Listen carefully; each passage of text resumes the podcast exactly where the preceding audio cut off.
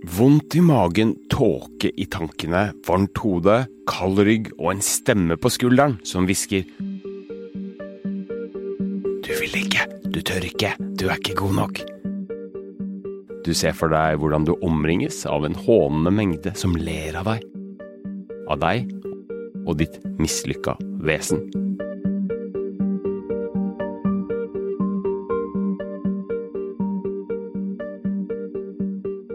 Prestasjonsangst, Hedvig Montgomery, psykolog og familieterapeut.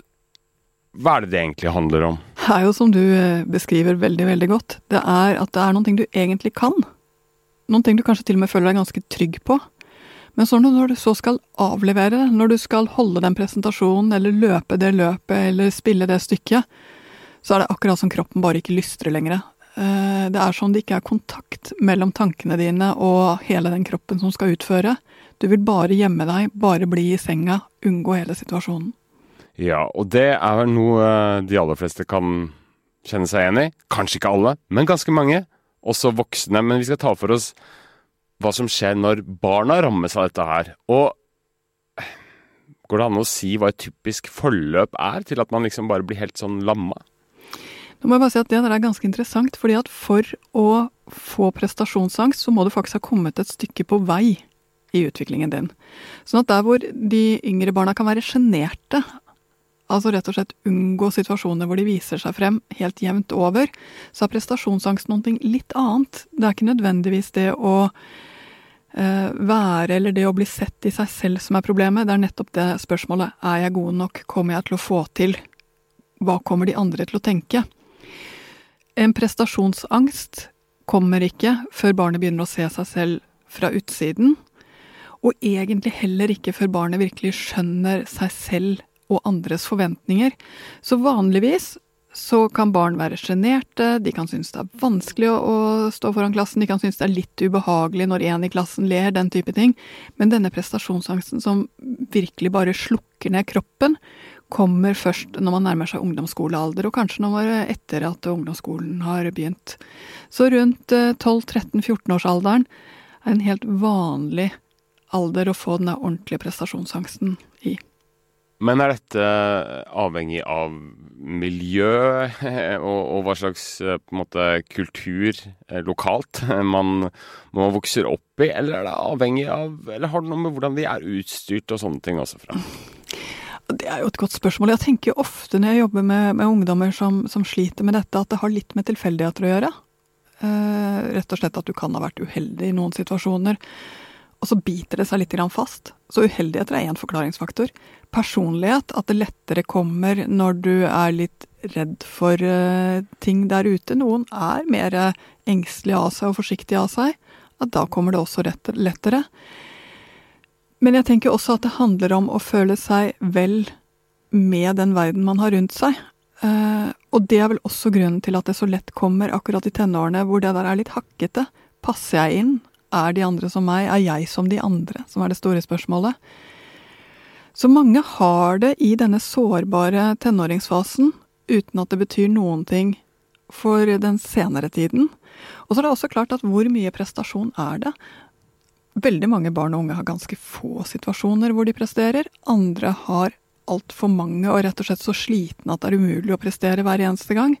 Så det har med det også å gjøre. Mm. Når du sier det sånn, så høres det jo nesten ut som det er mer vanlig enn uvanlig for uh, ungdommer. Altså, de er jo usikre, og de er jo på leiting, og de har ikke så mange svar, og de er kanskje sårbare da, for, uh, for den type uh, tilstander.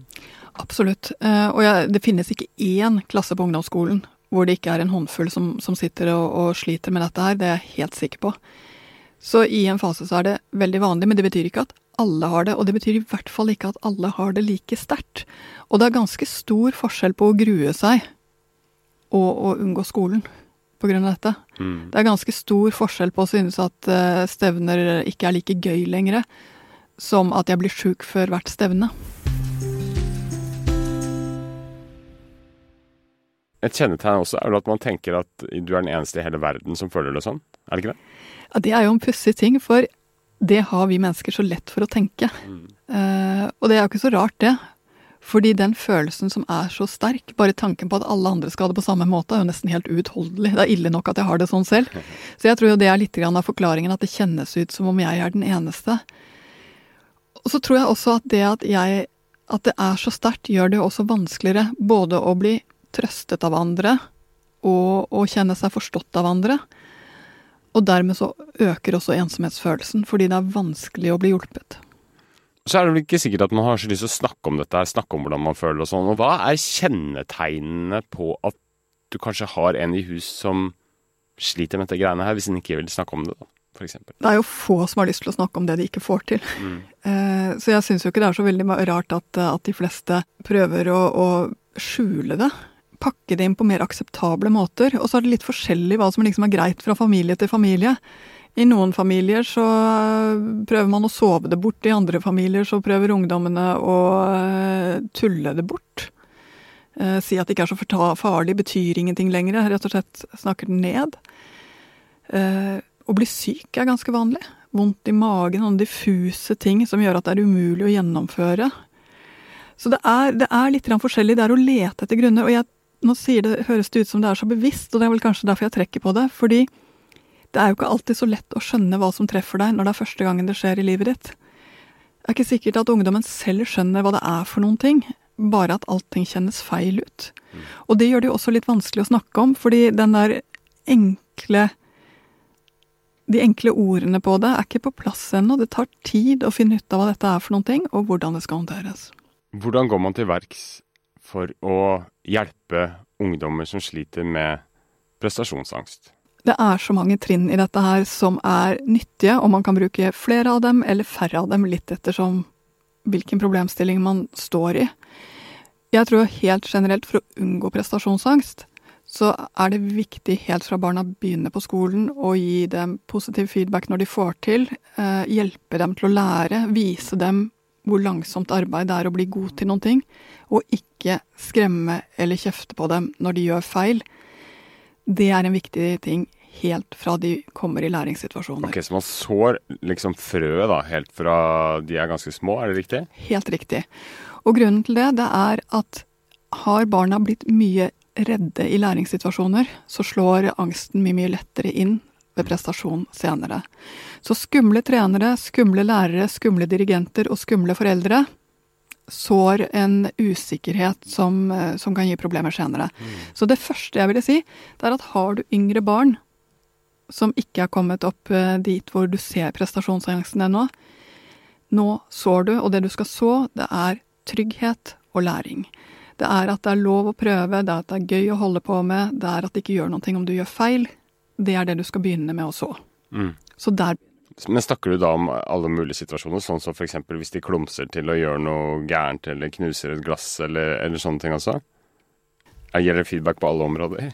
helt jevnt over. Bruk det jevnt over. Mm. Du trenger ikke å skremme, du trenger ikke å gjøre deg selv skummel. Eh, når det handler om å lære noen ting, så er trygghet helt avgjørende. Når det kommer til å levere noen ting, så er det å kjenne seg ålreit med seg selv helt avgjørende. Og når de yngre barna har dette her, f.eks. når de skal spille en konsert eller de skal uh, levere noen ting på uh, skolen, så pass på at du trekker situasjonen ned, øver på det, ikke gjør det til en stor sak. Det går fint, ja, men det får vi til. Begynn på nytt igjen. Gjør det til det det er, nemlig øvesituasjoner, og hold på det så lenge du kan. Min uh, yngste sønn påpekte noe for meg som jeg tror var ganske riktig. Og det var at da dette begynte å oppstå hos ham i sånn, ja, 10-11-årsalderen, så var det verste som kunne skje, det var at en voksen sa til ham rett før han skulle prestere Er du klar? Ja. Fordi da var det akkurat som de trykket inn på spørsmålet 'er du klar?' Og når han begynte å tenke på spørsmålet 'er jeg klar?', så var svaret alltid nei. Mm, så etter at vi liksom fant ut den, den der lille at eh, ikke, ikke, press på det, bare si 'nå er det din tur', så var det mye, mye bedre for ham. Ok, så, man, så, så, bare man bruker noen få sånne ord, så kan det være med på å nære en eller annen sånn forventning om at nå skal du gjøre det bra? Eller nå skal du være så himla klar. Ja. Og himla klar er vi egentlig aldri, ikke Nei. før den dagen det er for sent. Nei. Så vær litt klok med de yngre barna i, i hvordan dere øver, hvordan dere leker og, og hvordan prestasjonene blir sett på. Det er også en grunn til at vi ikke har karakterer helt frem til ungdomsskolen. Fordi de første årene er virkelig prøving, feiling og oppmuntring. Punktum. Mm. Mm, ikke vurdering. Så kommer vi opp, og vi kommer til de situasjonene hvor det snører seg mer sammen, og det kommer også samtidig som barna begynner å bli mer tvilende om de virkelig er bra nok for Mhm. denne verden. Ja. Så sånn sett så får man jo muligheten til en perfekt storm her. Ja. Og når du da merker at her er det blitt vanskelig, de dagene det er presentasjon og gruppearbeid, knyter det seg skikkelig. De dagene det er noen ting som skjer på idrettsbanen, eller det er noen ting som skjer i, i musikken, så åh, plutselig ble den soloen vanskelig med korpset. At da er det første å tenke ok, nå er vi der. Ja, men det er fint, for det må hun nok igjennom. Mm. For veldig mange må gjennom nettopp dette. Okay. Så ikke bli redd av det, ikke bli fortvila av det. Noe av det jeg bruker mye tid på med ungdom som kommer dit, det er rett og slett å finne ut hva det egentlig er for ting de skal gjøre. Altså få oppmerksomheten over på det som skal skje, og bort fra nettopp følelsen rundt det. Ok, skjønner at det kjennes skummelt ut. Det er ekkelt å stå foran mange, men fortell hva er det du skal gjøre, hva er det som skal skje? Ok, Så det gir altså mening når idrettsutøvere står på skjermen og sier at de har fokus på arbeidsoppgavene? Nettopp. Ok. For når du har fokus på det du skal gjøre, så er det mindre tid til denne å kjenne etter hvordan det kjennes ut å skulle gjøre det. Mm. For det hjelper deg ingenting. Det er det du skal gjøre som er det viktige. Så det ene er rett og slett å få en forståelse for det, og der bommer vi voksne ofte. Fordi for oss er det så selvsagt hva som skal skje. Mm. Men det er ikke sikkert at det er like selvsagt når du for første gang skal snakke om demokrati foran klassen. Kan være at det da er litt annerledes. Det å lære seg å levere er en del av dette løpet. Så ikke glem den biten i opptattheten av at nå er du urolig. For blir du for mye opptatt av at nå er du urolig, da kommer vi helt ut av hjelpesonen. Mm. Så det er møte med empati. Ok, skjønner, det der der. Mange som har vært igjennom den. Skikkelig lett å grue seg for det. Men fortell. Hva er det som skal skje? Hva er det egentlig du skal gjøre? Sånn kronologisk. Du skal gjøre det, så skal du gjøre det, så skal du gjøre det. Med tålmodighet, og med også litt grann sånn Når du merker at nå er det mulig å komme med et lite tips, så kommer du med et lite tips. Men for mange tips fra voksen til ungdom går alltid galt. Så hva er de beste rene, eh, korte, enkle tipsene da? Det kommer jo an på hva det er for noen ting. Jo, men la oss si at du skal snakke om eh, demokratiutviklingen i eh, Europa, da.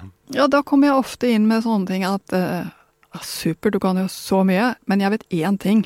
Læreren husker bare de første setningene du sier, og de siste setningene du sier. Så skal vi begynne med Jeg gir noen sånne små prestasjonstips som eh, gjør at det er eh, lettere å føle at ok, men her kan jeg imponere litt. Det var ikke dum, det. Det skal jeg huske på sjøl.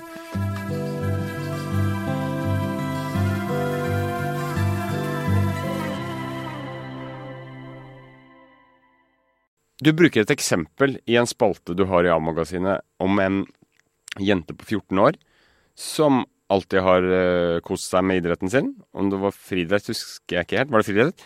Eh, og så plutselig så blir hun eh, liksom nagla til en sånn vond følelse, og, og, og det vrenger seg for henne hver gang hun skal på idrettsbanen. Hvilke mekanismer er det liksom da som slår inn egentlig? For det er jo litt sånn vanskelig å forstå for foreldre, kanskje, det da. Kjempevanskelig. Og så er det også slik at det er aldri bare én ting. For det ene dette handler om, det er at hun nå har kommet til et sted i utviklingen hvor hun skjønner hvor himla mange flinke folk det finnes der ute. I denne alderen så går de ofte fra å konkurrere bare med de nærmeste på laget til å gå opp et hakk og opp et hakk, og plutselig så er de på kretsnivå. Det blir et annet alvor. Hadde truffet hvem som helst av oss i bakhodet. Det er som å gå fra å øh, snakke i familien til å plutselig stå på Stortinget, på mange måter. En annen ting er at det å være synlig er vanskelig i en alder hvor alt med kroppen endrer seg. Eh, Den ser annerledes ut, den kjennes annerledes ut, den er tyngre å få i gang, du trenger mer søvn. Det er ikke så rart at du plutselig ikke kan stole på samme måte på kroppen som 14-åring som det du kunne som 11-åring. Et eller annet har skjedd. Så tror jeg også at mange ungdommer de har liksom lenge vært med på dette her, og foreldrene Det har liksom blitt en slags sånn kultur i hvordan vi i familien jobber med deg som eh, friidrettsjente. Og plutselig så har foreldrene blitt ligget for langt foran i sine forventninger. De har blitt fått for høy appetitt. Ja. Ikke sant? For at er det én ting som fòrer prestasjonsangsten, så er det når de andre har større forventninger til deg enn det du har rygg til å bære selv. Så det å finne riktig nivå, både på treninger, på hvor mye du gjør, på hva du gjør, at du får lov til å være med å bestemme selv. Fordi det ser vi jo også når vi kommer til 13-14-15-åringene. Før så kunne man bestemme ganske mye. Du, nå ser jeg at det er sommerleir sånn og sånn, jeg melder deg på. Og de sa ja, og det var sant. Men så kommer vi opp i en alder hvor de må spørres. Du, her er det to forskjellige leirer, jeg er ikke helt sikker på hvilken du har lyst til å dra på. Gi dem muligheten til å sette litt fingeravtrykk på det de holder på med. For den opplevelsen av at du blir styrt, at du blir dratt med og ikke får muligheten til å sette fingeravtrykk på selv, gjør også at eh, det lettere kommer en sterk prestasjonsangst eller en protest på et eller annet vis. Så i slike saker Jeg tenker alltid at her Jeg legger ut nettet litt for å høre hvor, hvor er det vi er henne? Hva er det som gjør at det blokkerer seg? Det er ikke slik at dette er uten grunn. Det er ikke noe veldig irrasjonelt. Du hører, eh, altså Når vi snakker nå, det er jo ganske forståelig. Og jeg tror den forståelsen er det så lett for oss voksne å glemme. Vi tenker at det er helt sånn åh, hvor kom det fram? Plutselig ble det en prestasjonsangst. Men jeg har ikke vært borte i noen ting som kommer plutselig, som er helt uten grunn. Det handler om noe. Noen ganger får jeg tak i det, andre ganger ikke. Men gå ikke i fella og tenk at det er grunnløst. Hvis man opplever at ungdommen blir grepet av en sånn lammende prestasjonsangst, må man liksom gå inn og prøve å, å, hjelpe det, eller kan dette her egentlig skli greit over, litt sånn på sikt, bare gi det litt tid, ok, så var det den fasen, men ja, ser, det går sikkert over. Det er nok ganske mange det bare går over for, mm. uh, og heldigvis for det. Men det er en vond ting å stå i, og det er en vond ting å stå i alene. Og nettopp derfor så tror jeg at det å bare si ja ja, men vi bare fortsetter å presse, og så ser vi hvor det går, da risikerer vi å presse noen dårligere. Men bare å si åh, er du oppi det akkurat nå? Ja, det er kjipt. Jeg skal uh, bare Vi finner ut av det, vi må bare bruke litt tid. Altså bare du har vært med på å si du er ikke alene oppi dette her, så har du gjort masse for å håndtere den angsten. En ting som jeg lurer på da, som kanskje egentlig på, på mange ulike felt, er hvis man selv har litt prestasjonsangst, da. At man ikke er så gira på å holde en tale, f.eks. At man ikke gleder seg til å ta ordet på møter på, på jobben. Eh, og så har man barn som man Ok, nå, du, nå har du også den greia i deg. Bør man si at man selv vet hvordan det føles, for å skape en sånn slags gjenkjennelse og håp, eller blir ikke det da liksom bare mer håpløst igjen? Fordi at da eh, Ja, da er det ikke noe håp for meg heller, liksom. Kjempegodt spørsmål. Og jeg tror mange tenker den der at nå skal jeg i hvert fall ikke fortelle hvor nervøs jeg er for å Og så føler jo barnet seg helt alene. Mm. Det er uforståelig. Samtidig så er det sånn at du sier åh, sånn har jeg det også. Det verste jeg vet er å, å snakke i møter på jobben. Da kommer tenåringen til å tenke det er noe helt annet. Oh, ja, ja. Uh, tenker de veldig, veldig fort. Så jeg tror at det å bare sånn ah, Vet du hva, jeg kjenner igjen det der der. Innimellom så kan jeg også kjenne det at når jeg sitter og venter på min tur, eller et eller annet, så hogger det til. Men ganske annerledes enn sikkert annerledes enn akkurat du har det, så bare fortell meg litt mer. Hvis du bare sår inn ideen om at du har en idé om hvordan det kjennes ut, så er det fint. Og så er jo også det at du sitter nå der som forelder, du har klart deg ganske bra, du har i hvert fall klart å få barn. I ungdommens øyne er du forbløffende ofte både en blanding av noe vellykket og en komplett dinosaur. Eh, for dem er du litt begge delene. Men det er nå engang betryggende at vet du hva, du har klart deg helt til dette i livet, selv om det innimellom har kjents akkurat ut på den måten. Kjenner igjen det der. der. Det er også litt håp i det, så du må legge inn det Jeg har jo faktisk kommet deg dit, da. Og man finner strategier, for det er sant. De aller fleste har sine strategier som ikke alltid tenker over. Setter seg sånn på jobben at man ikke er den siste som blir spurt når man gruer seg til å bli sin tur. Altså den type ting. Eh, passe på at når man skal holde innlegg, at man har litt ting man gjør før man snakker, som gjør at det kjennes litt bedre ut. Mm. Og disse små triksene, det er jo noe man samler på seg gjennom et liv, og hvor ungdommen er nybegynnere. Mm. Så blir du for voldsom med å fortelle alle triksene du har i ermet, for fort, så blir det bare overveldende og unyttig. men å la dem få lov til å samle opp et lite et uh, av gangen, gjør det mye, mye tryggere.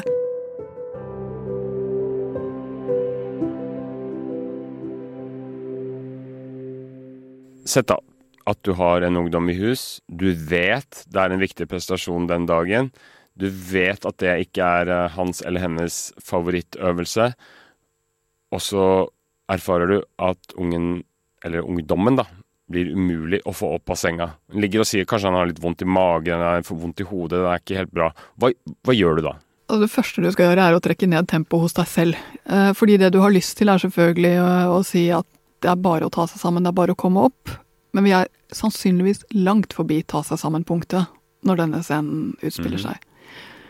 Det andre er at angst er, også prestasjonsangst, er veldig, veldig fysisk. Det sitter virkelig i kroppen. Det kjennes ut som om hjertet holder på å briste, og det kjennes ut som magen holder på å revne. Det er fysisk sterke følelser. Så jeg hadde jo begynt der. Nå kjennes det skikkelig guffent ut i kroppen. Og når du får en bekreftelse på at jeg vet Eh, jeg tenker at det kanskje har noen ting med Altså, det er så mye som skal skje i dag. Hvordan eh, tenker du? Hvis du ikke da får noen forståelse for, for det, at det bare blir avvisning at nei, jeg, jeg er dårlig, jeg er syk, jeg, jeg, kan ikke gå på skolen. Det er en ting som er viktig å vite med all slik anspenthet. Det er at det ligger i kroppen, men det ligger også veldig, veldig kraftig i pusten. Mm. For en av de tingene som skjer når man eh, skal levere noen ting og forbereder seg veldig, det er at vi alle puster inn. Vi trekker pusten. Faktisk så mye at vi sender et signal til hjernen om at nå skal det skje, nå er du i gang, nå skal det snart skje. Og har du pustet så mye inn, så, så blir du nesten som en ballong. Det sprekker nesten. De ungdommene jeg driver eh, og er så heldig å få treffe med dette her, så jobber jeg en god del med pusten. Og det handler om å puste ut, ikke trekke pusten inn. Og det er interessant, fordi vi har ofte sånn Ja, men trekk pusten, sier vi. Mm. Men når det kommer til prestasjonsangst, så er det det motsatte vi skal si. Pust helt ut. Når du puster helt ut, og da mener jeg helt ut, sånn at det ikke er mer pust igjen i magen, så sender du en signal til eh, hjernen din. Dette går bra. Utpusten viser følelsene at det går fint, og at det ikke er farlig. Og så vil jo mange hevde da at vi lever i en prestasjonskultur både på skole og, og ja, egentlig på alle mulige arenaer. Gjør det at frykten for å mislykkes blir større sånn generelt, eller? Altså Det der er jo et godt spørsmål, eh, og sannelig om jeg vet. Men at det har økt med prestasjoner, altså med presentasjoner i skolen, hvor det å stå foran klassen er blitt vanligere enn mm. det det var for 30 år siden. Det er det jo helt utvilsomt. Samtidig så må jeg bare si, det å leve er jo til en viss grad å lære seg til å stå der, også når det er vanskelig. Man må eksponere seg litt? Ja, sånn. ja, veldig, veldig lite som ikke har det. Og jeg tror nok alltid dette har vært et stort element, og altså, du har jo selv kjent på hvor lammende det kan være å kjenne på den synligheten og, og skulle levere. Det er få som går helt fri, uavhengig av alder og uavhengig av, av kultur når de har vokst opp. Det jeg tror er viktig nå, er å lage rom for at dette skjer til litt forskjellig tid. I en klasse så er det stort spenn i eh, hvor, eh, hvor man er henne i å bli trygg på seg selv. Det er å lage rom for å bli trygg på seg selv. Det er å gi den der helt grunnleggende opplevelsen at vet du hva, det går bra, vi har tid til dette. Det er også viktig.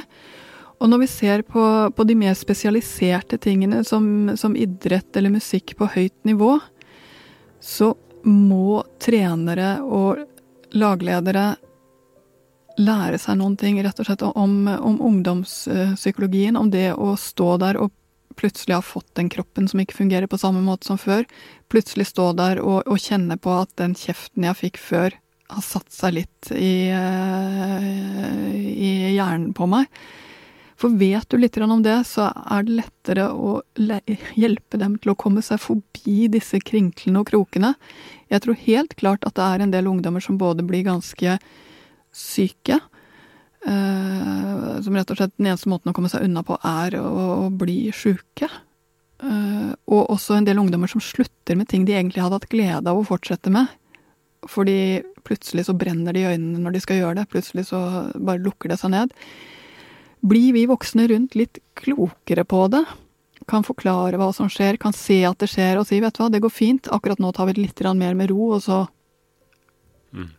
får du en ny uh, dytt uh, litt grann senere. Det å hjelpe dem med på dette her, det, det tror jeg gjør oss til et bedre samfunn. Takk for at du hørte på. Vi er tilbake neste mandag med en ny episode. Da skal vi ta for oss hverdagens store og små sammenbrudd blant barn og voksne. Og tro det eller ei, det finnes faktisk noen måter å forebygge hverdagens kollapser på. Vil du ikke vente, finner du både denne og flere nye episoder tilgjengelig via Podme eller Aftenpostens app. Her finner du også hele Foreldrekodens arkiv, nesten 100 episoder til sammen om en hel haug ulike temaer. God lytting. Vi høres.